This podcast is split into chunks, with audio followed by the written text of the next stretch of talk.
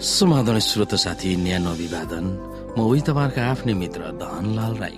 श्रोत साथी आज म तपाईँको बीचमा बाइबल सन्देश लिएर आएको छु। आजको बाइबल सन्देशको शीर्षक रहेको छ बाइबलले विश्व दृष्टिकोण।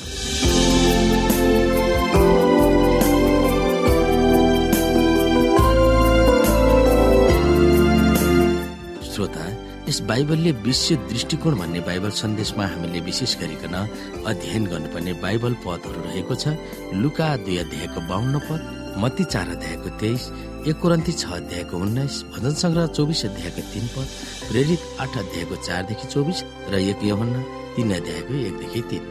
र यस बाइबलले विश्व दृष्टिकोण भन्ने बाइबल सन्देशमा हामीले विशेष गरी सम्झनु पर्ने पद अथवा मेमोरी गर्नुपर्ने बाइबलीय भर्स रहेको छ एक थेस्लोनिकी पाँच अध्यायको तेइस पद।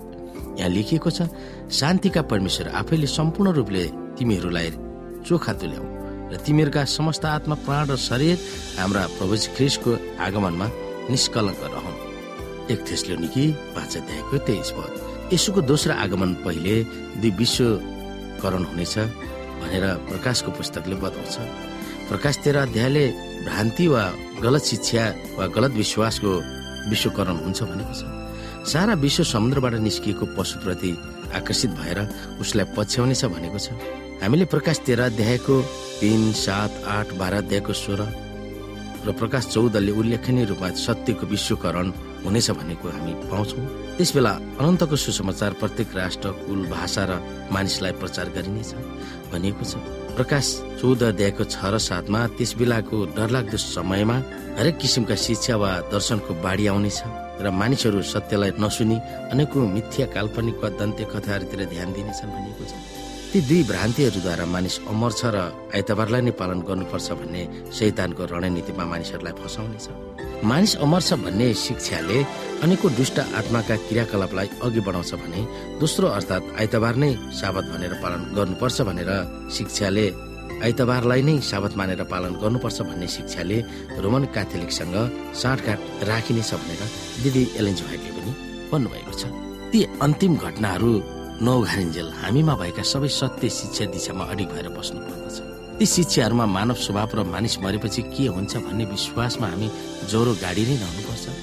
यसुको महिमित आगमनको निम्ति हामी तयार हुने लक्ष्यको निम्ति पवित्र आत्माको अगुवाईको पुकार गर्दै जानु पर्दछ भन्ने कुरा हामीले बुझ्नु पर्दछ र यसुको दोस्रो आगमन भन्दा अगाडि धेरै कुराहरू हुनेछन्। मानिसले मानिसलाई बहकाउनेछन्।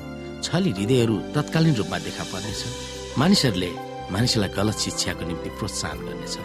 हर तरहले मानिसको आचरण अनुसार उसले जालहरू थाप्नेछन् र मानिसलाई त्यस बेला विभिन्न कुराको नकारात्मक कुराहरूको टिका टिप्पणी गरिनेछ र त्यही अनुसार प्रचार गरिनेछ। सबैभन्दा ठुलो कुरो त मानिस अमर छ भन्ने शिक्षाले मानिसलाई भ्रम पार्नेछ। अनेकौं दुष्ट आत्माको क्रियाकलाप अघि आउँछ भनेर हामीले हेर्यौँ। हरेकौं दुष्ट आत्माको क्रियाकलापहरू हामीले त्यतिखेर हेर्नेछौँ मानिसहरूले देख्नेछन्। उनीहरूले हरेक किसिमले संसारको अन्तिममा विभिन्न कुराहरू धारण गरेर विकल्पहरू केही नराखी उनीहरूले अस्त्रहरू प्रयोग गर्नेछन्।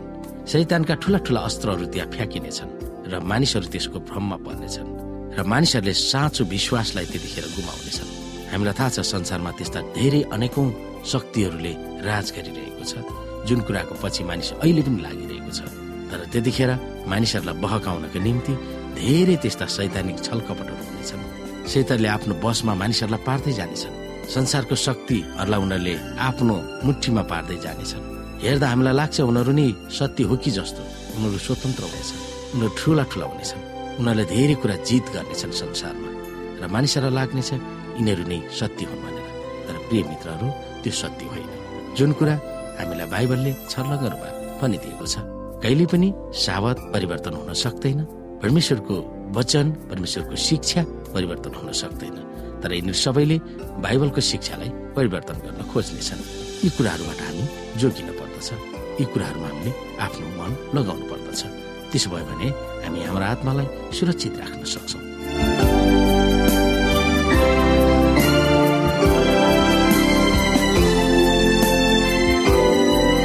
श्रोता साथी आजको लागि बाइबल सन्देश यति नै। हस्त नमस्ते। जय मसिंह।